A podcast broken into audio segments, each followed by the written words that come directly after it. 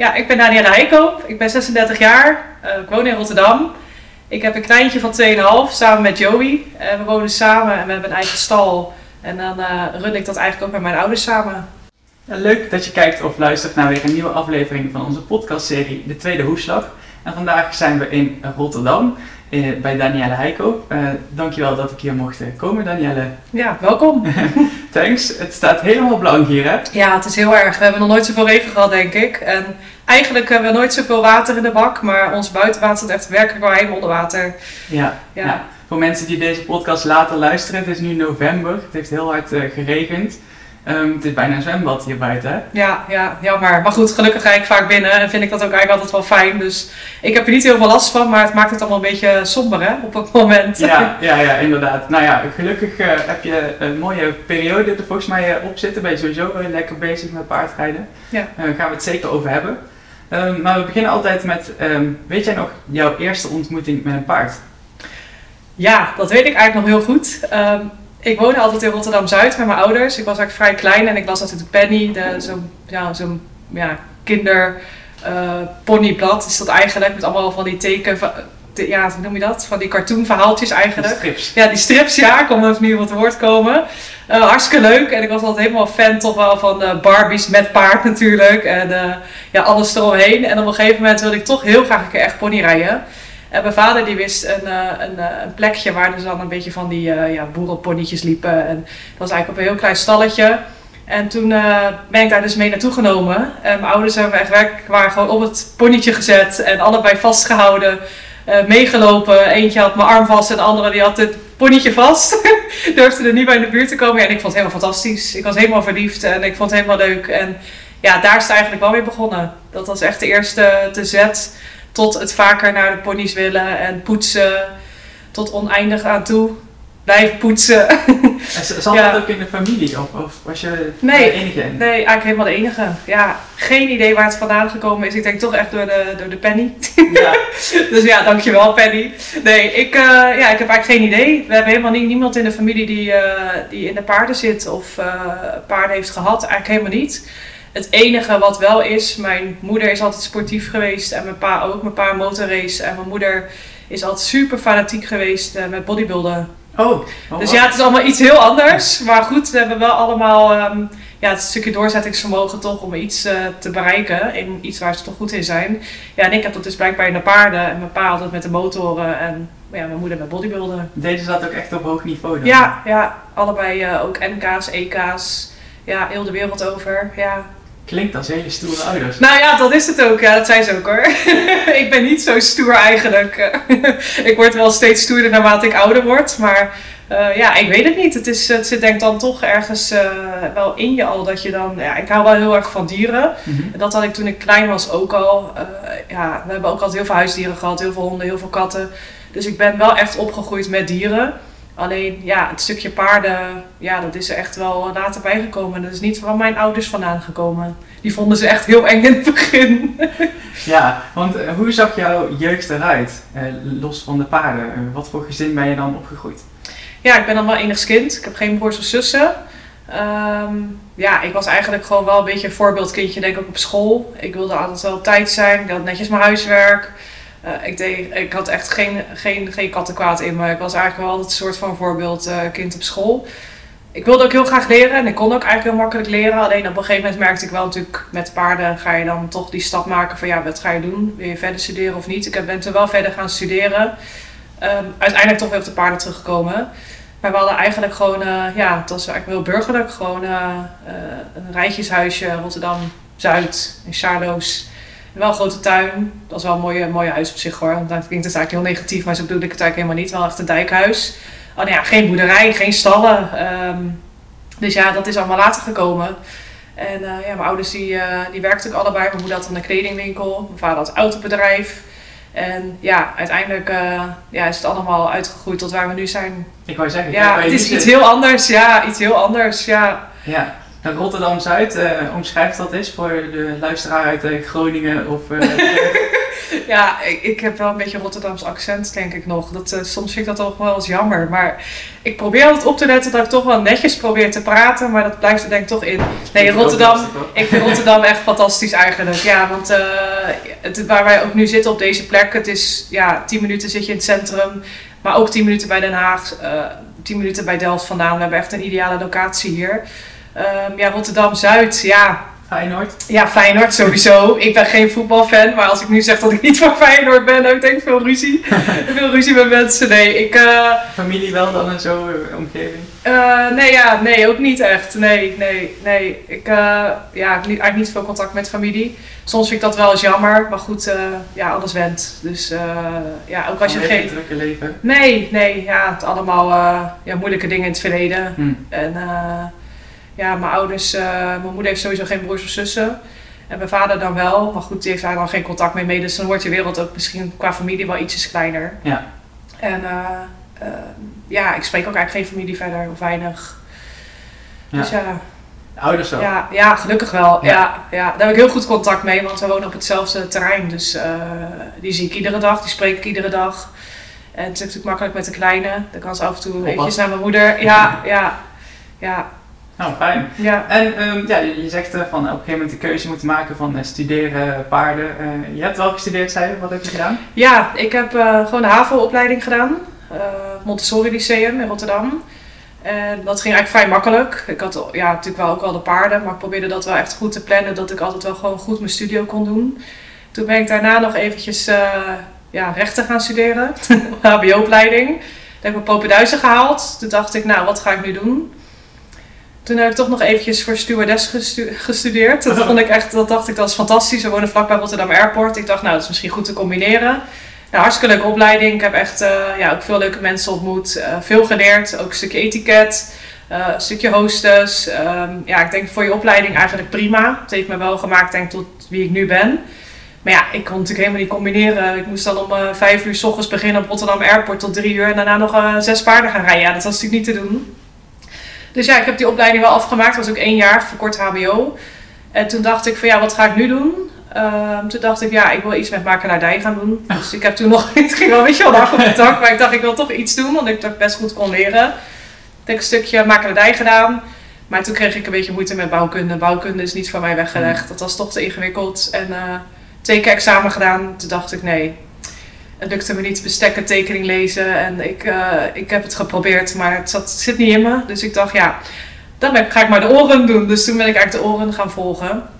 Ik dacht, ja, als ik veel les geef en toch met paarden bezig ben, is het altijd goed te, te hebben. Uh, ja, ook voor een stukje, ja, ik denk theorie. Mm -hmm. Wat gewoon heel belangrijk is. Ook al heb je ja, heel veel ervaring, denk ik, praktisch gezien, is het gewoon wel goed om ook de theorie goed te, te beheersen. Dus dat heb ik toen eigenlijk gedaan. En toen ben ik me volledig uh, gaan verdiepen in de paardensport. Ja. Ja, ja. het is echt alle takken ja. ja. heb ik een beetje gehad. Maar Want je ik heb niks meer met rechten of makelaardij of stewardess. Uh, nee, maar ik vind het nog steeds allemaal wel heel interessant. Dus stel, ja, ik ga, ik, ik ga er natuurlijk niet vanuit, maar stel mijn leven zou heel anders lopen.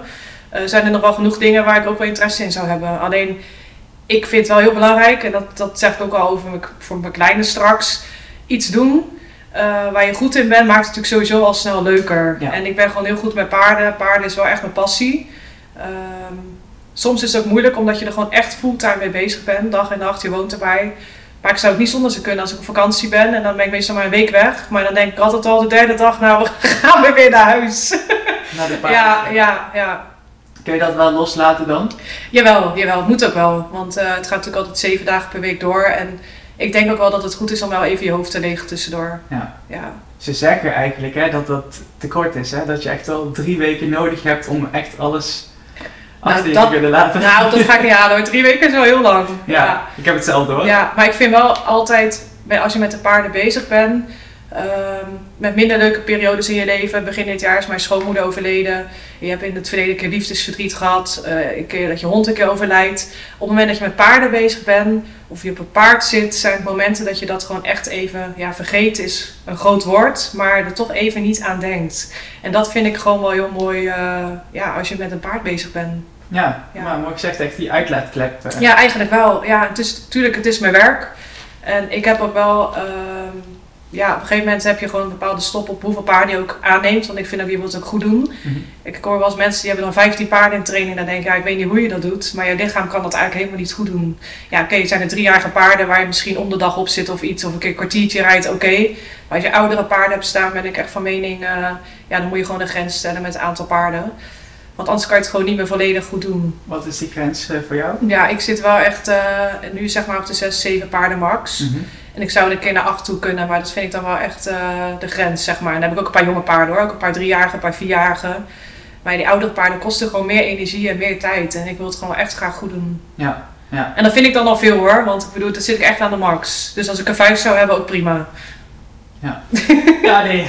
Ja. Het is natuurlijk sommige mensen die dromen ervan uh, Ja. om dat überhaupt eh, te bereiken, zoveel eh, paarden. Ja, Eh, die zitten er misschien te luisteren en denken, oh ja, ik heb er thuis eentje ja. en het is echt mijn droom. Jij hebt het eh, waargemaakt, dus laten we eventjes eh, teruggaan eh, hoe je dat hebt bereikt.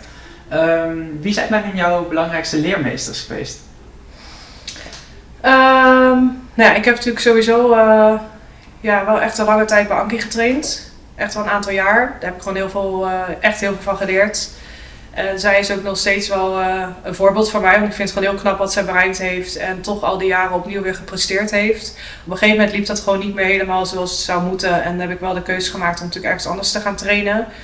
Ehm, maar zij heeft wel, denk ik, het beginstuk van Siro, waar ik uiteindelijk het meest mee bereikt heb, wel echt eh, ja, mij in eh, dingen geleerd die ik eigenlijk helemaal niet wist. Ik wist helemaal niks van wereldbekerwedstrijden of een EK of de voorbereiding daarvan of je management met dierenartsen. Ik noem maar even wat dingetjes op. En ik denk dat zij mij daar wel echt heel erg in heeft ondersteund. Ja, ik heb eh, een eh, uitspraak van haar gelezen of gehoord en zij zegt, eh Danielle is zo cool, zo, zo rustig. Ja. Dat was toen al. Is Ja. dat nog steeds zo en waar komt dat vandaan? Ja, ik maak me niet zo heel snel druk. Omdat ik altijd denk, ja, ook al hoe druk je je maakt, ook op wedstrijd, ook al ben je zenuwachtig. En ik geloof echt al in sportpsychologie en dat soort dingen hoor. Want ik geloof echt wel dat het mensen kan helpen. Ik denk alleen wel altijd wat het belangrijkste is. Het maakt het niet beter als je heel zenuwachtig bent of als je heel druk maakt. Want het heeft geen invloed op je prestatie. Nee. Een beetje zenuw is altijd goed. Gezonde als je, spanning. gezonde Ja. spanning is altijd goed. Als ik denk aan mijn, want dat, da- daar, dat mis ik dus echt niet, maar mijn middelbare schooltijd, dat je examens hebt, dat je kriebel in je buik hebt, dat je naar school moet, rugzak op. En dat je dan denkt, ja, ik moet zo examen gaan zitten schrijven, zeg maar, of zitten maken. Die tijd mis ik echt niet, want dan heb je ook wel echt dat, dat zenuwachtige gevoel.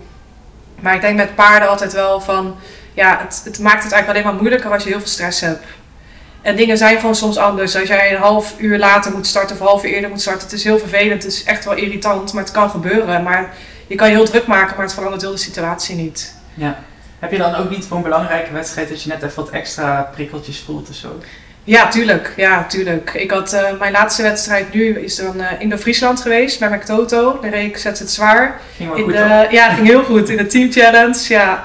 Ehm, een zesjarig paard. Die heb ik nog met twee andere mensen in eigendom. En ehm, ja, dan wil je ook eigenlijk wel, omdat het niet volledig je eigen paard is, nog een soort van beter je best doen. Het gaat natuurlijk nergens over, want uiteindelijk doe je altijd je best. Ehm, ja, ik dacht wel echt van, ik kwam natuurlijk die hal binnen en eh, ik was dan de laatste die dan scoren moest rijden van het team. En we zaten allemaal best wel een beetje dicht in de buurt van elkaar qua scoren. Dus ik dacht, ja, ik moet nu wel echt goed mijn best gaan doen. Dus ik had toen wel een beetje kriebel op mijn buik weer. Dat ik dacht van, ja, nu moet het gebeuren. Ik weet gewoon wel dat ik op dat paard kan bouwen, bouwen dus dat geeft je wel weer zelfvertrouwen. Ja. Kan misschien ook goed zijn hè? dat je daardoor net eventjes wat scherper bent dan dat je denkt oh het komt wel goed. Ja, zeker. Je moet het ook hebben, anders word je te nonchalant. Ja. ja. En eh, ik, ja, het is wel altijd, je moet gewoon wel altijd scherp zijn op een paard om de juiste hulpen te kunnen geven. Als je te nonchalant bent, ben je ook niet snel genoeg. Mhm. Naast Ankie heb je denk ik nog meer uh, Ja, zeker. zeker. Ja, ik heb een tijdje bij Kobi van Balen ook getraind. En uh, daar heb ik uiteindelijk ook heel veel van geleerd. Zij was echt heel erg altijd gefocust toch wel op, op proeven rijden, het netten rijden, het africhten van, uh, of het afwerken eigenlijk van de proef. Ook het africhten van paarden, maar ook echt het afwerken van de proef. Ik heb ook nog een tijdje bij Seth Bosman getraind. Dat is ook eigenlijk wel mijn beginstuk geweest eigenlijk naar de topsport toe. En Seth is, ja, weet je, ik vind Seth eigenlijk echt een fantastische man. Want ik heb heel veel van hem geleerd ook. En hij is zelf ook heel rustig eigenlijk altijd wel van het goede vertrouwen, de tijd nemen. Uh, ook een stukje basis wat heel belangrijk is. En ik heb denk ik steeds wel de goede stap gemaakt. Steeds weer van uit een aantal jaar hoor, want ik heb nooit heel kort bij iemand getraind. ja, toch wel steeds eigenlijk de goede stap gemaakt. Alleen set bleef uiteindelijk weer net iets te rustig. Dat ik dacht, ja, ik moet nu wel weer een stapje verder. Ja. Dus ja, zodoende ben je steeds weer naar de ander gegaan eigenlijk. Mhm. Maar dat zijn wel de drie grootste trainers die ik nu zo op kan noemen. En dan nu natuurlijk zit bij Nicole Werner. Alweer een paar jaar. Dus ja, ja, heel ja. En hoe bevalt dat? Ja, heel tof. Ja, echt heel tof. Zij is uh, ja, wat directer misschien, als ik het zo mag zeggen, in positieve zin. Zij zegt ook echt wel wat ze denkt. En ik denk dat dat voor mij ook wel uh, heel fijn is. En ik kan ook niet wekelijks lessen. Ik les denk om de week nu. Met twee paarden dan wel altijd. En zij geeft me gewoon heel veel huiswerk mee van ik thuis door kan trainen. En zij zegt gewoon precies de dingen eigenlijk die ik nodig heb als ik een half uur wil trainen, train ik een half uur. En als ik een uur wil trainen, train ik een uur. We kijken ook echt naar het paard, wat het paard aan kan. En ja, dat is voor mij ook gewoon wel heel fijn trainen. Want ik heb natuurlijk altijd verschillende paarden mee. En zij kan me echt wel goed op weg helpen. Ja, uh, we hadden het er bij Hoeslag over van dat er, soms lijkt het een beetje alsof uh, trainers een bepaalde, dat het een trend is. Van oh, dan wil iedereen bij die, dan wil iedereen bij die. Ja, klopt. Uh, zie je dat ook zo? Uh, ja, soms wel. Ja, ik denk dat toch mensen dan denken van ja, daar gaat het goed of daar, uh, daar zijn successen bij. Uh, dat mensen dat dan ook eh, willen proberen dan via die weg. En natuurlijk, dat zou ook zeker wel zo, zo zijn. Maar ik denk dat is natuurlijk met alles. Dat is met zadels, met hoofdstellen, met bitten. Tegenwoordig heb je natuurlijk heel veel bitfitting. Dat was vroeger ook allemaal niet. Dus ik denk dat dat wel een beetje in de tijd steeds verandert. Dat je toch weer nieuwe dingen krijgt. Ja. En inderdaad, met, met trainers zal dat ook echt wel zo zijn. Alleen ik ben altijd wel heel erg trouw. Dus ik ga niet zomaar van de een naar de ander. En als ik denk van nou, ik mis iets of er is iets, dan zal ik het toch altijd eerst overleggen en dan, uh, dan misschien tot een andere uitspraak komen van nou, misschien toch maar een keer een ander proberen of niet. Ja. Of misschien een ene paard wel bij de ander of niet. Maar ik zal nooit zomaar zelf ergens vertrekken, zeg maar. Nee. Um, je hebt ook uh, ruiters die zeggen van ik wil zoveel mogelijk van verschillende kanten informatie uh, krijgen. Hè? Van, van die en van die. Ja. Alle kanten, de ene vindt dit, de ander vindt dat.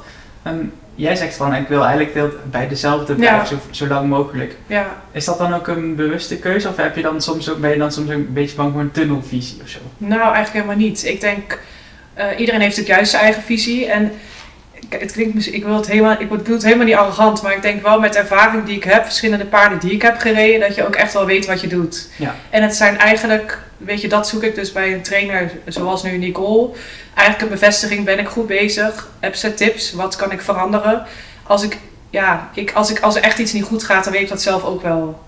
Dat voel je ondertussen ook wel. En als je weet dat je proef, ja, even zo hard gezegd, gewoon slecht hebt gereden, dan weet je dat ook wel. Alleen het is net even het fine-tunen van een uh, beetje meer dit, beetje meer dat. Of let even daarop. Of dat is nou net even makkelijker. Dat vind ik veel dus belangrijker. opnieuw leren paard. Nee, ja, dat bedoel ik eigenlijk meer te zeggen inderdaad. Kijk, ik weet echt wel wat ik aan het doen ben. En ik doe ook heel veel zelf thuis. Uh, maar ik denk wel dat er mensen zijn die het inderdaad wel fijn vinden van meer mensen instructie te krijgen. Ik denk alleen dat het heel verwarrend kan werken. Ja. Want de een zegt toch dit en de ander zegt dat. Ik bedoel, er zijn zoveel wegen die naar Rome leiden. Ik denk op een gegeven moment ben je dan ook hetzelfde draad van het verhaal kwijt. Maar goed, dat is mijn mening. Maar dan zullen mensen het wel fijn vinden, denk ik, om uh, verschillende dingen te horen. Ja. ja. Ik zie ook heel veel mensen van kliniek naar kliniek gaan.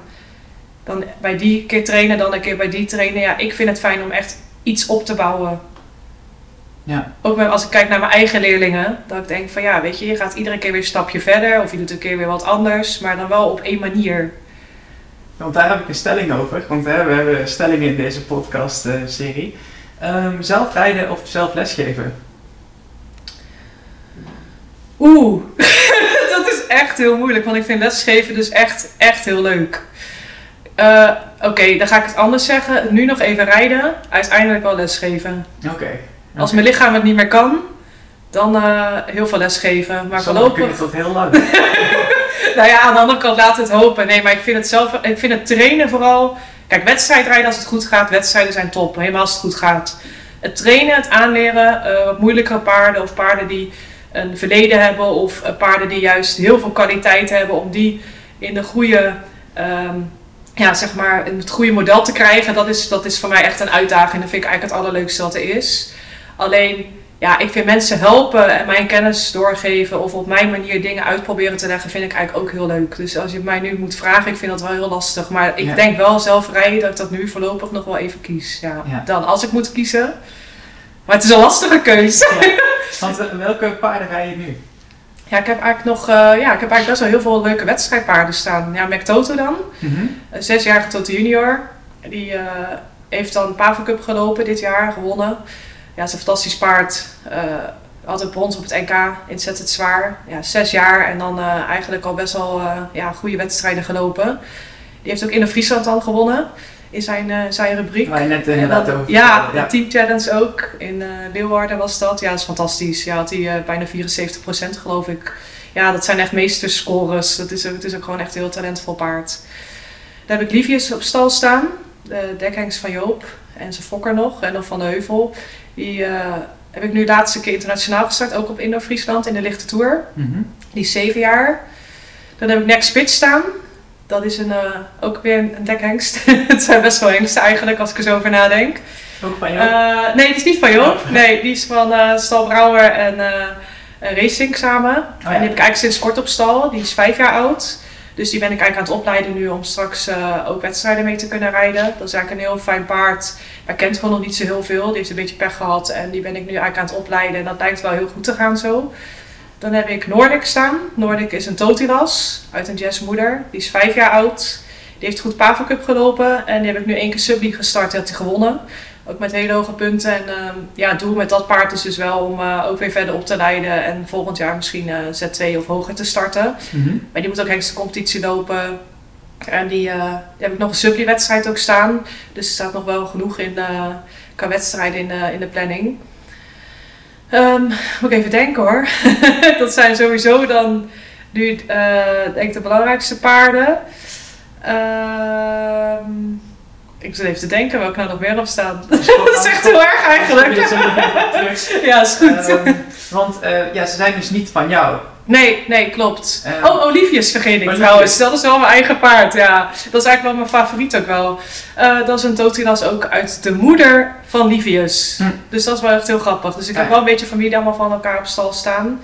Um, en dan heb ik nog wel een jonge hengst, maar goed, die heeft eigenlijk nog niet zo heel veel gedaan. Power, Power Edition. Dat is een Livius. Die loopt nu in de, ja, de rondes voor het najaarsonderzoek, in de presentatie voor het oh, KWPN. Um, ja, die, die, die, die, komt zo niet 1, 2, 3 in mijn hoofd op. Dat is misschien een beetje ja, onaardig zo, maar die staat pas drie weken op stal. Oh ja. Maar goed, dat is wel ook een heel fijn paard. En daar heb ik wel verder nog wat jongere paarden ook in opleiding staan. Maar dit zijn wel een beetje zo de belangrijkere paarden. Ja, want hoe is dat dan om samen te werken met uh, eigenaren uh, van zulke paarden? Um, nou, als je fijne eigenaren hebt, is het natuurlijk altijd uh, makkelijk. Ik bedoel, ik heb met Joop al best wel veel paarden samen gehad en al heel veel samen gewerkt ook, mhm. met verschillende hengsten. Um, ik heb Douda natuurlijk ook gereden voor hem. Ja, zo, ja, het is ook wel weer een paard waar ik veel mee heb gewonnen, veel mee heb meegemaakt. Dus voor mij, ja, zo'n eigenaar is eigenlijk heel fijn. Want ik krijg toch de, de betere paarden aangeboden. Paarden waar ook wel wat van verwacht wordt hoor. Want ik bedoel, ze moeten Hengste competitie lopen, Hengste shows. Uh, de bedoeling is toch allemaal dat ze uiteindelijk op wedstrijd gaan. Maar ja, ik vind het eigenlijk uh, ja, wel makkelijk zo op deze manier. Want ik heb een goed paard om te rijden en hij is weer blij met mij, hoop ik. en, ja, en ik ben weer blij met hem dat hij dan goede paarden bij mij aanlevert. Dat is eigenlijk hetzelfde als met, met Brouwer of ook particuliere mensen hoor. Ik bedoel, als ze een goed trainingspaard aan kunnen bieden, ja, sta ik daar wel altijd voor open. Mm -hmm. ja. Want um, stelling is, uh, zonder goede sponsor kan ik geen topsport rijden. Nou, mijn beste sponsor is mijn vader. Ja, en dat is dan gewoon uh, omdat hij mij zo lief vindt, denk ik. hij krijgt er weinig voor terug. Het kost hem meer geld dan dat hij ervoor terugkrijgt. Ja, een blije dochter dan misschien. nee, maar ja, nee, mijn sponsors zijn belangrijk. Ik bedoel, ik heb ook mijn, mijn, mijn zadels, uh, mijn laarzen, mijn caps, weet je, dat soort dingen. Maar ik denk dat je dat heb je niet nodig om topsport te kunnen rijden. Um, belangrijker is wel goed paard en goede training. Ja. En zelf natuurlijk dan uh, de goede in, instelling hebben. Mm -hmm. En het moet op het juiste moment lukken, maar ik denk dat je heel goed wel topsport kan, kan rijden zonder topsponsor. Ja, en um, zien we dan zo'n paard ja, in ja, het krijgen is eventjes uh, simpel gezegd, maar krijgen van zo'n eigenaar, is dat dan ook een soort van sponsor? Of, of uh, zie je dat anders? Nou ik denk dat het uiteindelijk altijd wel een win-win situatie is. Ik bedoel, um, ja, ze weten ook wat ze aan mij hebben op dat moment. Als ik het even dan over mezelf weer heb. Um, en ik weet ook wel weer wat ik aan hun heb. Dus je mhm. maakt natuurlijk wel van tevoren afspraken erover. Alleen, um, ja, je kan het wel als sponsor zien inderdaad dat zij zo'n paard inderdaad aanleveren. Ja, en dan is het wel belangrijk. Ja, dan is het wel weer belangrijk, inderdaad, zeker. Maar goed, je hebt altijd zelf ook nog wel een keer geluk dat je zelf ook een goed paard hebt. Dat heb je wel eens gehad in het verleden, toch? Ja, ja, Siro, ja. Dat was van jouzelf, Ja, klopt. Ja, ja. met Dari ook. Oh ja, hoe, hoe, hoe was dat dan? Uh, hoe heb je dat uh, zover gekregen? Ja, ik denk toch in het begin, als je dan, ja, dat is ook misschien een beetje raar om te zeggen, maar als je dan zo begint op mijn leeftijd, ik was zeg maar begin 20, uh, dan heb je eigenlijk maar één of twee paarden waar je dan echt fanatiek mee rijdt. En dan ga je toch wel misschien iets langer op door als een keer iets moeilijk is. En dan ben je iets meer aan het volhouden. Kijk, nu, als het echt niet lukt en je bent een half jaar, half jaar aan het stuntelen, dat is natuurlijk al best wel lang. Dan denk je op een gegeven moment, ja, ik ben er klaar mee. En dan ga je weer met de volgende verder. Maar op het moment dat jij één of twee paarden hebt en je wil echt doorzetten van dat moet lukken. Want ja, weet je, je wilt gewoon dat je weet dat het erin zit. Dan, dan bereik je dat toch, denk ik, uiteindelijk wel op dat moment. Ja, ja, want um, die paarden hebben jou heel veel mooie resultaten gebracht. Um, uh, ik heb ook uh, een keer gehoord dat jij hebt gezegd van, um, dat toen na Siro wel lastig zou zijn om weer zelf een keer zo'n toppaard te krijgen. Dat je toch wel ja. afhankelijk bent uh, hè, van ja, geld van een ander op dat, op dat vlak. Is dat ook zo? Um, ja, ik weet mezelf tot nu toe iedere keer wel weer, zeg maar, wel weer in de kijker te rijden. Want ik heb gewoon wel altijd wel talentvolle paarden. En ik heb gewoon denk ik wel steeds de goede wedstrijden waar ik dan ook wel gewoon goed presteer. Tuurlijk is het moeilijk. Een tweede Siro heb ik nog niet gehad. Nee. Kijk, dat blijft een bijzonder paard. Kijk, eigenlijk qua karakter wat hij voor mij heeft gedaan op wedstrijden, dat, dat ja, vind ik denk ik ook niet meer. Maar het karakter wat hij heeft op stal en de omheen, de stress die we hebben gehad met hem, omdat hij toch best wel moeilijk was, dat mis ik helemaal niet. Nee. Alleen het talent die hij had voor het Piaf Passage en hoe hij was op wedstrijd is gewoon bijzonder. Mhm. Maar goed, ik heb daarna nog een Dari gehad, ik heb nog Douda gehad. Uh, verschillende andere paarden, weet je wel, echt wel op, op, op niveau. nu ondertussen ook wel weer paarden op niveau, dus ik blijf wel doorgaan. Alleen nu merk ik gewoon dat ik veel jongere paarden heb. Dus dat duurt ook wel weer langer. Ja, ja. ja voor de mensen die de podcast luisteren en niet via de video kijken, er staat een hele mooie plant naast jou, maar er zitten geen uh, blaadjes aan met geld. Uh, nee, helaas niet. Nee. nee, ja, dat is gewoon in de paarden. ja, we hebben hier natuurlijk ook stagiaires op het bedrijf en Ehm, ja, je hoort dan ook wel eens van vrienden dat ze zeggen, ja, je verdient toch echt veel geld in een paard. En dan zeg ik, ja, weet je, als je een keer een paard leuk verkoopt, uh, weet je, dan is het altijd wel leuk. Ik zeg maar, echt rijk van de paardensport word je niet. En vooral met dressuur is dat gewoon wel, uh, ja, vind ik dat soms wel jammer. Ehm, als ik ga kijken naar wedstrijden zoals in Doha, dan uh, wordt natuurlijk eigenlijk alles voor je ja, geregeld, betaald. En dan kom je nog wel een keer met leuk geld thuis. Maar eigenlijk, is dat, ja. ja. eigenlijk is dat nooit. Eigenlijk heb je dat bijna nooit. Maar meestal moet je gewoon bijleggen als je op wedstrijd gaat. Ja, dat vind ik wel, dat is wel een dingetje wat ik wel jammer vind in onze sport. Met springen is dat natuurlijk ook wel echt anders. Heel anders, ja. Ja, en dan denk ik, wij moeten eigenlijk, als ik ga kijken naar kilometers maken qua trainingen, doen wij nog veel meer aan training dan wat ze met springen doen. Ja, en is dat dan inderdaad hè, die, die commercie die daar dan in zit? Ja, dat denk ik. Ja, ja. Want als ik ook ga kijken naar Indo-Friesland, de, de eerste dag. ik vind Indo-Friesland een van de mooiere wedstrijden van Nederland. Dat durf ik echt uit te spreken, want ik vind het is en top geregeld en het is een super mooie locatie. Heel mooi aangekleed, overal is aan gedacht. Maar als je ziet hoe weinig publiek er dan de eerste twee dagen eigenlijk is, dat vind ik dan echt zonde. Want het is gewoon zonde van onze sport. Weet je, dat is echt wel, echt wel een mooie wedstrijd. Hoe zou dat komen? Ja, misschien dat het zo ver weg is. Ja, ik vond het ook ver weg. Maar ja, ik ging er wel naartoe. Ja. ja, nee, ik weet het niet. Ja, misschien toch ook dat er tegenwoordig wel heel veel livestreams zijn. Ah ja. Daar zat ik wel aan te denken, want ik volg ook wel veel via Cliphours en zo. Omdat dan toch, dat is verder weg, maar dan kan je toch wel volgen via internet. Dus ja, dat begrijp ik wel. Dan hoef je niet weg en dan kan je toch tussendoor even kijken. Ja, nou ja, bij, bij voetbal zitten de stadions natuurlijk ook vol, ondanks dat het overal wordt uitgezonden. Ja, maar ja, met dressuur moet je natuurlijk je mond houden. Kijk, met voetbal kan je nog een beetje joelen. ja. ja, ik snap het ook wel. Zolang je maar geen biertje op de... Ja, nee, dat is waar. Nee, ja, het is toch misschien, uh, ja, misschien een beetje saai of zo om naar een dressuurwedstrijd te kijken. Ja, de beleving als je erop zit is natuurlijk toch anders als je, als je daarnaar kijkt. En dat zal met voetballen ook wel zo zijn. Alleen, ja, inderdaad, biertjes drinken, feesten, dat is toch wel wat meer wat bij voetbal hoort, ja. Ja, en is dat iets ehm, waar jij dan zorgen over maakt voor de toekomst van uh, dressuur?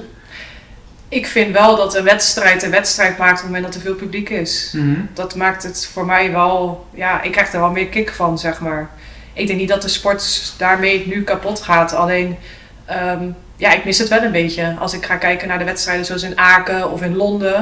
Ik heb Siro nog in Londen gereden, in de Olympiahal ja, dan zit het gewoon helemaal vol. Ja, dat is bijzonder. Dat zijn dingen die, die gaan ook nooit meer van mijn netvlies af, zeg maar. Nee, maak je je überhaupt zorgen over de toekomst van de paardensport? Ehm, ja, tuurlijk. Ik zie natuurlijk heel veel dingen wel voorbij komen dat ik me wel druk maak over uh, dat mensen denken dat we toch niet goed genoeg voor de paarden zijn. En ja, mensen doen uitspraken, ook mensen die eigenlijk helemaal niet weten hoe het eraan toe gaat op stallen. Ja, ik vind dat wel jammer, want als ik ga kijken naar hoe wij zijn voor de paarden en eigenlijk hoeveel liefde wij ze geven, want we houden gewoon echt van de dieren, uh, staan we ons ook gewoon echt allemaal buiten iedere dag. Kijk, ze vergeten wel, net zoals een hengst, ja, die kan je niet op een wijtje zetten. Weet je, dat is gewoon moeilijk, omdat ze mhm. toch snel geprikkeld zijn. Ze hebben bepaalde hormonen, ja, net zoals een wilde stier. Ja, daar moet je ook voorzichtiger mee omgaan dan met een normale koe. Ja, ik weet niet of dat de juiste vergelijking is, maar ja, weet je, um, dat zijn wel dingen waar je gewoon over na moet denken. Maar ja, we hebben wel ook denksten gewoon allemaal in de paddocks. Dat gaat allemaal prima, maar je hebt wel een bepaalde ja, management voor, voor dieren nodig. En Ehm, ik denk dat heel veel mensen dat niet begrijpen. En dat vind ik dan wel jammer. Hoe kunnen we dat duidelijker maken? Ja. Ben je daar zelf mee bezig bijvoorbeeld? Nou, eigenlijk niet. Maar als mensen het aan mij zouden vragen van... Uh, ja, weet je, we willen dat wel een keer uh, bekijken of doen of zo. Ik zou er best wel open staan. Ja. ja. ja. Weet je, want ik denk van ja, wij, wij hebben uiteindelijk niks te verbergen. Ik, het is ook net zoals met mijn trainingen. We hebben natuurlijk ook pensioenstal. We hebben denk ik nog 20, 25 pensioenklanten. Mensen mogen gewoon bij mij rijden als ik train. Ik heb niks te verbergen of ik ook, ja, weet je, het is zoals het is. Kijk, en als een hengst een keer wel een keer klap nodig hebt, als een keer baldadig is of zo, ja, weet je, hetzelfde als, als mijn hond niet luistert. Ja, dan krijgt hij ook een hollepieper. Ja, weet je, dan ga ik niet denken, oh, weet je, dat is zielig. Want uh, als ik vroeger niet luisterde, kreeg ik ook een draai om mijn oor. Ja, ja.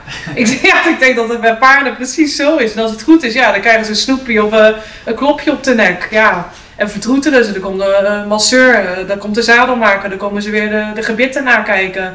Ze staan iedere dag uh, buiten. Ik bedoel, ja, weet je, ik wel dat ik dat leven had hoor. Ja, want hoe ga je zelf om met een bepaald negatief sentiment als dat er heerst? Ik probeer het te negeren. Heb je bijvoorbeeld eens op social media last van? Of, of? Um, nou, eigenlijk valt het bij mij wel heel erg mee. Hm. Misschien nu niet meer. nou, vandaag. nee, ja, nee, ik ben gewoon heel open. En we hebben natuurlijk, wat dat scheelt wel echt pensioenstal ook. En ik denk, uh, ja, nee, ik, ik, ik, ja, nee, ik heb geen rare dingen. Of uh, dat ik denk van, ja, weet je, dat, dat, dat, daar zou ik een uitspraak over moeten doen. Nee, eigenlijk niet. Ik heb het zelf ook nog niet zozeer meegemaakt. Ook ja, natuurlijk als je bijvoorbeeld een wedstrijd rijdt of zo, dat mensen daar dan een mening over gaan vormen. Of als er een bepaalde foto van jou ergens online nee, komt. Nee, maar datzelfde met foto's. Ik denk, uh, ja, weet je, je hebt zoveel momenten waar je foto's van kan nemen. Weet je, er kan altijd natuurlijk een negatief beeld bij zitten. Momentopname. Ja, momentopname, zeker. Ja. Ik probeer ook altijd van mezelf een beetje foto's van boven te maken. Dat is altijd beter dan van onder. Met de onder.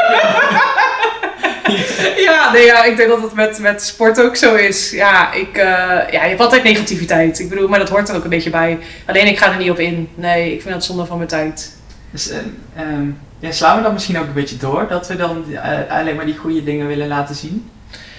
Uh, ik denk dat het een beetje in de mens zit wel. Ook, ook van onszelf, hè, wat je zegt, van ja, die alleen maar de goede ja. Nou, dat is het op social media. Weet je, als jij uh, iets negatiefs hebt, publiceer je dat toch denk ik minder snel dan iets positiefs. Maar dat zit denk ik in de mens, mm -hmm. uiteindelijk. Ja.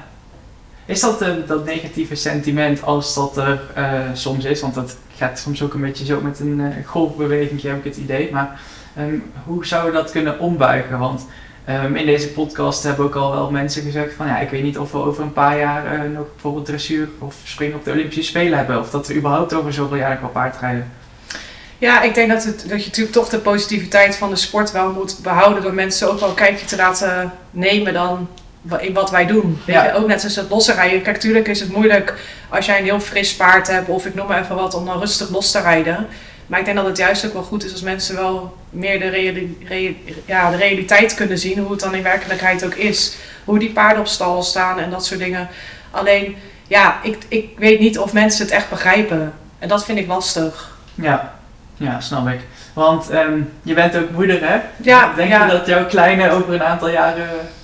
Nou, ik hoop het aan de ene kant wel. Maar goed, wat ik zeg, ik heb het liefst dat ze gewoon iets gaat doen wat ze leuk vindt en waar ze goed in is. Hoe oud is ze? Uh, ze wordt drie in februari, ja. Dus ja, ze vindt paarden natuurlijk hartstikke leuk. Maar wat ik zeg, ze vindt alle dieren leuk. Mm. We hebben twee uh, wel, wel scorgies en uh, daar zit ze ook alleen maar mee te kroelen en mee te spelen. We hebben twee Mengoens, twee katten. Ja, die vindt ze ook fantastisch. Dus het is wel echt een, ja, dierenvriend. Met de paplepel erin. Ja, eigenlijk wel. Ja. Ja, ja, Hoe combineer je dat paardrijden met het moeder zijn? Is dat moeilijk? Um, nou, eigenlijk niet. Het gaat eigenlijk heel goed. en ik merk ook wel, net zoals nu zo wat ouder wordt, is natuurlijk alles makkelijker. Je kan nu communiceren. Heel eerlijk, het eerste jaar vond ik niet zo gezellig, want er slaapt natuurlijk heel veel. En dan is het eigenlijk alleen maar luiers verschonen, fles geven. Dan klink ik echt, ben ik geen prototype moeder, hè, want het is echt heel onaardig misschien te zeggen. Nou ja, je slaapt, dat is ook Ja, ja nou, dat is zeker waar. Ja, maar goed, nu krijg je wel echt het contact en... ehm, ja, ik denk wel echt dat het nu wel steeds leuker wordt en makkelijker wordt. Want nu kan haar wel dingen uitleggen. Soms komt ze kijken als ik aan het rijden ben en dan vindt ze het helemaal leuk. En ze zegt ook altijd, ja mama, Toto. Dan weet ze dat ik op met Toto zit. Oh, ja. En Liefjes noemt ze Lievela. Weet je, ze heeft eigen naampjes. Ja, dat vind ik wel echt super schattig. Nee, ja, het is eigenlijk wel heel goed te combineren. En ik heb natuurlijk wel ook eh, een oppas. En ik heb, ze gaat een dagje in de week naar de kinderopvang. Ze gaat soms mee op wedstrijd. Alleen dan heb ik niet de superfocus. Mm. Want dan ben ik natuurlijk echt wel met mijn sport bezig. Maar dan is meestal mijn vriend daar of mijn moeder daar om haar ook eh, een beetje bezig te houden. Vindt ze dat dan leuk? Of heeft ze dan meer ook voor andere dingen? Nou, ze is meer met andere dingen bezig hoor. Ze heeft weinig concentratie.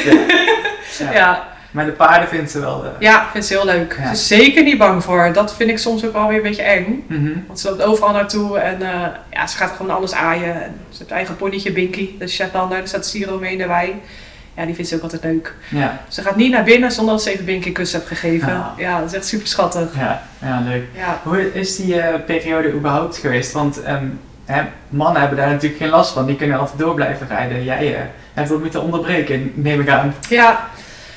Nou, om een heel lang verhaal kort te maken. Ik heb tot 33 weken gereden. En dan natuurlijk niet alles. Ik, gewoon wel, eh, ik was wel zeg maar dat ik dacht van nou die paarden zijn braaf en die paarden zijn braaf. Of makkelijk. Ook om uit te zitten. Dus die heb ik dan wel doorgereden.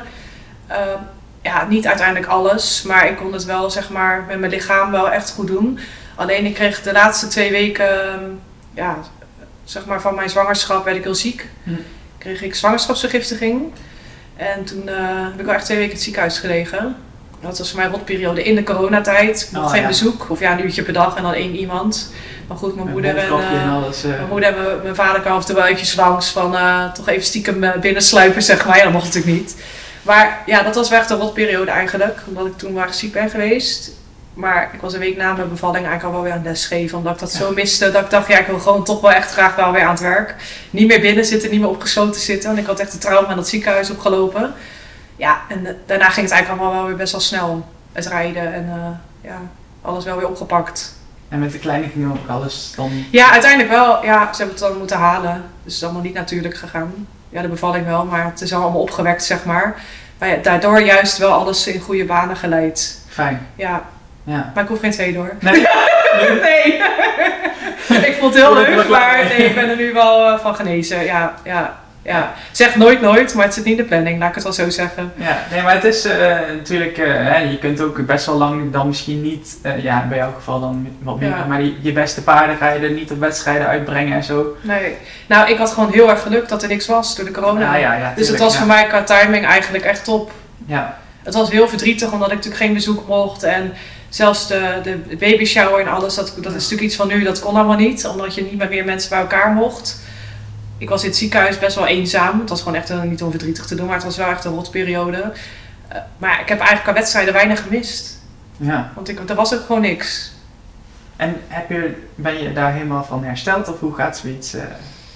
Ehm, nou ja, van dat ziekenhuis natuurlijk heel die periode wel. Dat is allemaal wel, wel ja, is allemaal goed gekomen denk ik wel. Hmm. Ja. ja. Ja, ik ben ik heb geen idee. Nee, ja, nee, alles is wel goed gekomen. Ja, ja ik, dat, ik, ziekenhuis heb ik sowieso eh, niet, eh, niks mee eigenlijk. Maar ja, nee, ik uh, verder niks aan overgehouden. Geen rare dingen. Nee. Kind, kind is gelukkig gezond en ik ben gelukkig gezond. Ja. Ja, Nou, fijn. Goed om te horen.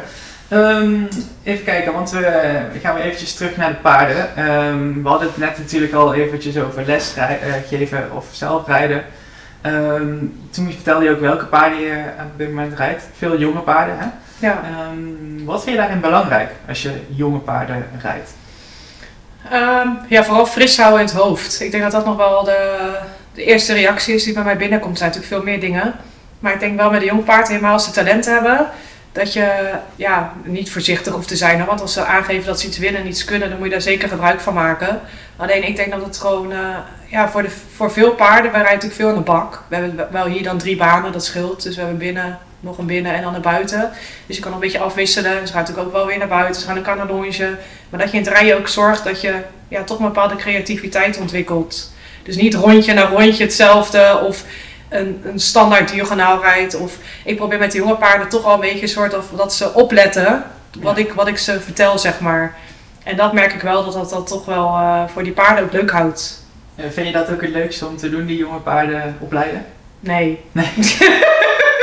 nee. Toch liever de maatschappij? Nee, nee, nee. Ik vind, uh, ja, jonge paarden vind ik wel leuk, maar dan wel vanaf de leeftijd eigenlijk 4, 5. Mm Dat ze gewoon wel, dat dat net echt dat groen, groenige eraf is. Ja. Ik heb nu toevallig 1, 3 jaar gestaan en dat is echt wel een heel lief, makkelijk paard. Maar echt heel lief.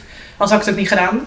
En dan heb ik nog wel die vier jaar gedaan, die is ook echt wel heel lief. Maar over het algemeen vind ik vanaf 4, 5, als je echt kan werken met een paard, dus een wissel aan kan leren, richting de appiëmenten, pirouettes, dus echt wel meer richting de wedstrijdsport africhten, dat is wel echt meer mijn ding. Ja, oké. ja. Want uh, hoe oud is jouw oudste paard hier op stal? Nu? Ja, die je rijdt? Dat is niet uh, oud uh, als je ze net zo allemaal opnoemt. Nee, ik denk inderdaad uh, zeven. Zeven, ja. ja, ja, ja.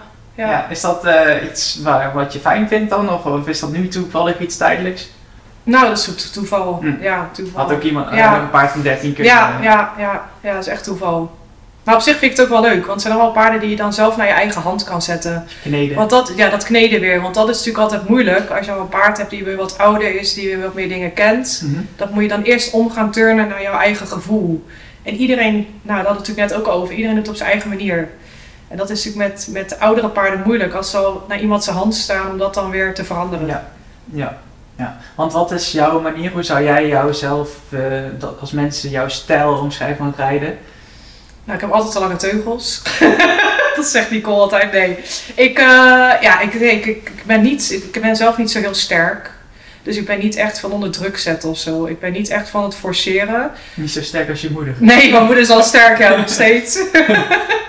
nee. Ik, ja, nee, ik ben wel altijd wat rustiger. Ook in het rijden eigenlijk wel. Ik probeer dus wel creatief te zijn. Ik kan ze wel uitdagen, mm paarden. Maar ik probeer het altijd op een rustige manier. En ik neem er dan liever iets langer de tijd voor. Dat die paarden er vertrouwen in hebben dan dat ik het meer forceer. Maar wat ik zeg, ik kan gerust, ik noem maar even iets met next pitch. Heb ik toevallig van de week een paar keer een wisseltje geprobeerd. Dat ik dacht, ja om een beetje fris te houden zijn hoofd, iets heel anders aan te leren. Uh, wat hem ook wat, wat blijer maakt, zeg maar. Weet je wel? Dat die paarden denken van, hé, hey, wat is dit nou weer? Weet je, dat ze een soort van even zo rechtop in de stoel gaan zitten, bij wijze van, ja, dat vind ik leuk. Ja, want um, als ik het mag zeggen hoor, het ziet er vaak natuurlijk uit, uh, jouw stijl van rijden. Ben je het daarmee eens? Nou, dat is alleen maar positief, toch? Nou ja, ja, ja, ja, ja dat denk ik. ik ben ook niet zo groot, hè. Ik ben natuurlijk ook maar klein. Is dat je uh, Nou, misschien wel. Van die kleine worstenpootjes waar veel kracht in zit. Nee, eigenlijk helemaal niet heel sterk. Maar ik, ja, ik ben wel heel rustig. Moet je sterk zijn? Nou, ik denk wel, bepaalde paarden hebben wel wat meer kracht nodig. Je, doet natuurlijk, je kan niet afdwingen. Je kan niet met kracht rijden. Maar ik denk wel dat je bepaalde paarden, het ligt een beetje aan hoe dominant ze zijn, wel met wat meer kracht sneller voor elkaar kan hebben. Ja, ja, ja. Want uh, ik ben dan inderdaad benieuwd naar jouw geheim, als dat, uh, om dat zo maar even mooi te verpakken, uh, in jouw manier van rijden. Ja, heb ik niet echt eigenlijk. Nee, ik probeer alleen wel, net als ik ben wel van, van mening. Ik heb natuurlijk veel hengsten. Mm -hmm. En ik merk wel als ik ze, niet dat ik dat doe, maar als ik soms net een soort van iets te ver ga of zo, of iets doe wat ze dan niet leuk vinden, ik wil, ik wil ze niet beledigen. Want dat merk ik wel, misschien is het mijn man ook zo, ik weet het niet, maar als je ze beledigt, ja, dan wordt ze een beetje bozig. En ik denk juist, ja, dat werkt juist niet. Dus ik probeer wel altijd op een soort van toch wel lieve manier dingen aan te leren en dat door te zetten. Mm ja, ja. Is dat ik, heb je een voorkeur dan voor hengsten? Nou, eigenlijk niet. Hmm. Maar ja, ze staan er. dus ik kan er ook weinig aan doen. Ja. ja, het is niet mijn schuld natuurlijk. Maar ja, ik krijg ze aangeleverd. Nee, maar, uh, ik denk wel dat hengsten wel meer last hebben van de hormoon. Hmm. Dus ze kunnen wel ook wat meer irriteren of zo. Ja, ik weet niet hoe ik dat uit moet leggen, maar daar moet je voorzichtig mee zijn, want als je er dan op ingaat, krijg je ruzie. En ik geloof niet dat ruzie werkt. Strijd ga je niet Nee, nooit. Nee, maar dat probeer ik ook niet. En denk dat dat wel misschien mijn positieve kant is om met die hengsten te werken. Ja, ja ik snap het. Um, hoe um, uh, zie jij de toekomst uh, voor jezelf uh, de komende jaren eigenlijk? Ja, daar heb ik niet echt over nagedacht. Ik denk dat. Geen plan? Nee, eigenlijk niet. Nee, er komt gewoon wel steeds weer wat op je pad. En ik merk nu dat ik dan nu wel weer meer hengsten rijd. En dat vind ik eigenlijk ook wel heel leuk. Hengstencompetitie komt er dan ook weer aan. Ik vind hengstenshows ook altijd wel tof om te doen. Ja, dat soort dingen heb ik voorheen natuurlijk niet zo heel veel gedaan. Dat zijn wel allemaal nieuwe dingen. Kijk, mijn droom is natuurlijk ooit nog wel weer Grand Prix te rijden met een paard waarmee ik in een team kan komen. Kijk, leuk Grand Prix rijden hoeft van mij niet. Ik vind het dan wel tof om op het hoogste niveau mee te rijden. Ja. Um, met Siro heb ik natuurlijk ook echt al lange tijd in die top 10 van die wereldranking gestaan. Ja, dat zou wel weer een droom zijn om dat weer te doen. Alleen ja, een geschikt paard vinden is gewoon heel moeilijk. Was dat ook de laatste keer dat je in het team zat of daarna ook nog? Nee, ja, ik heb nog wel in een B-kader gezeten. Uh, maar niet meer in een, uh, in een, een, team, zeg maar. Nee. Nee, want um, toen ook nog wel succesvol uh, natuurlijk. Ja. Nu zijn de medailles niet echt voor het oprapen op dit moment voor Nederland. Hoe vind jij dat Nederland er nu voor staat?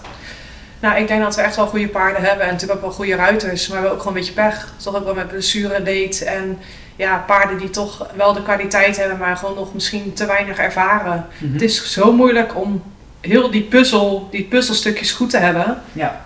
Kijk, we hebben echt wel genoeg goede paarden. Alleen ja, de ene is weer net, wat ik zeg, blessuregevoelig. De ander die is net weer iets te groen. De ander die mist echt alweer wedstrijdervaring. Ja, ik bedoel, dat, dat is gewoon heel moeilijk om alles kloppend te krijgen. Mhm. Maar ik denk dat het niet aan de kwaliteit ligt of iets van de paarden of van de ruiters. Zeker niet.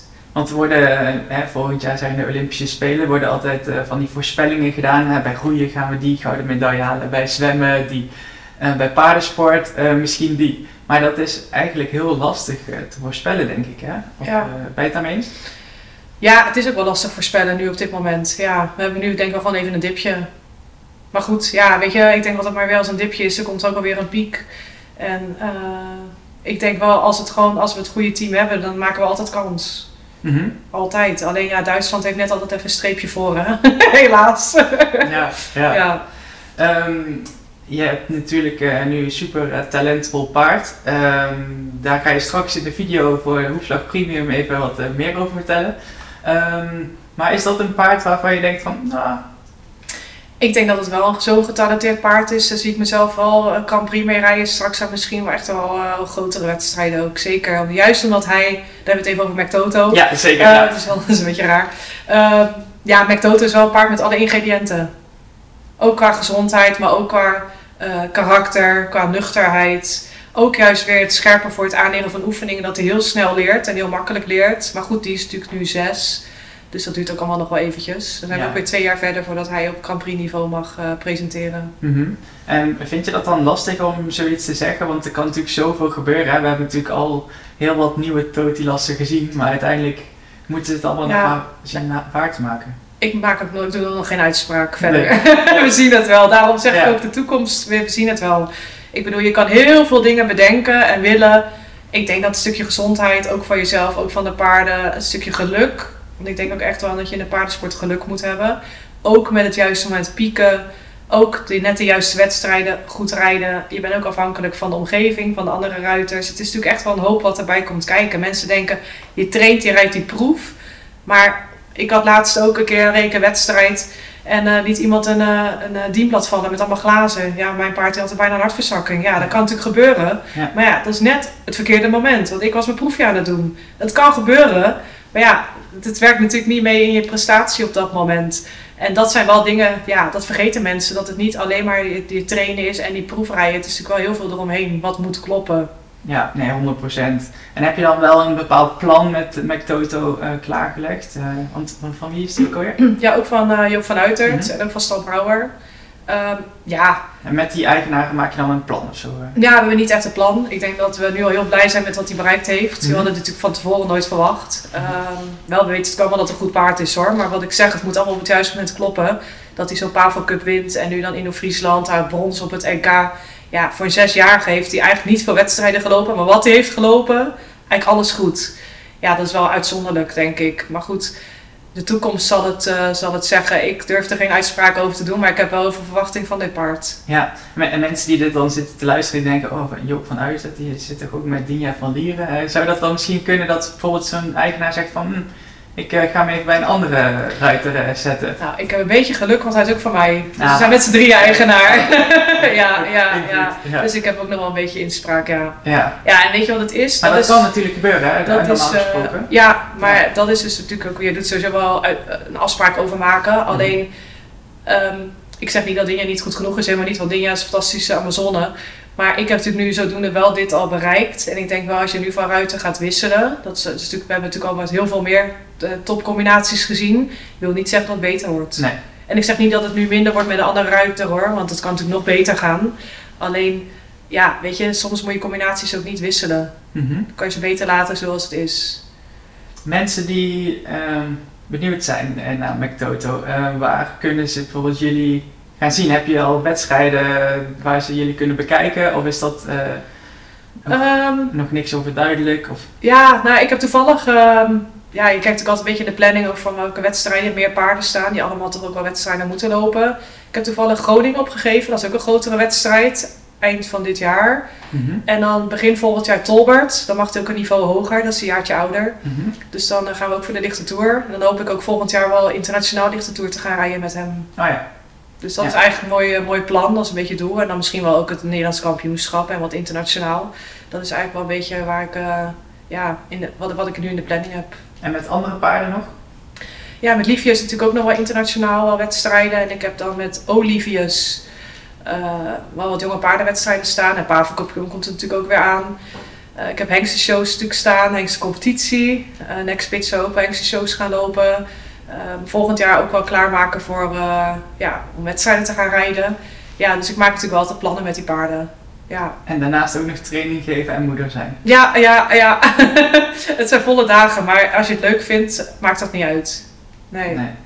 Want eh, heb je nog met, de met training geven, met het begeleiden, heb je daar nog leuke dingen in? eh, Ja, ik heb natuurlijk wel, ja, weet je, je bent altijd gek van je eigen leerlingen. En ehm, het is natuurlijk altijd het fijnst als mensen ja, ook zelf een plan hebben, een doel hebben, of als je een doel met ze kan maken. Want daar begin ik eigenlijk altijd mee. Als ik ook een nieuwe leerling binnenkrijg die zegt, ja, ik wil training, ja, heel, heel, heel leuk, maar wat is precies je plan en wat wil je ja, bereiken? Nou, heel vaak weten ze het dus niet. mm. En dan denk ik, ja, dat is het eerste waar ik meestal over begin. Van ja, wat wil je? Wat is je doel?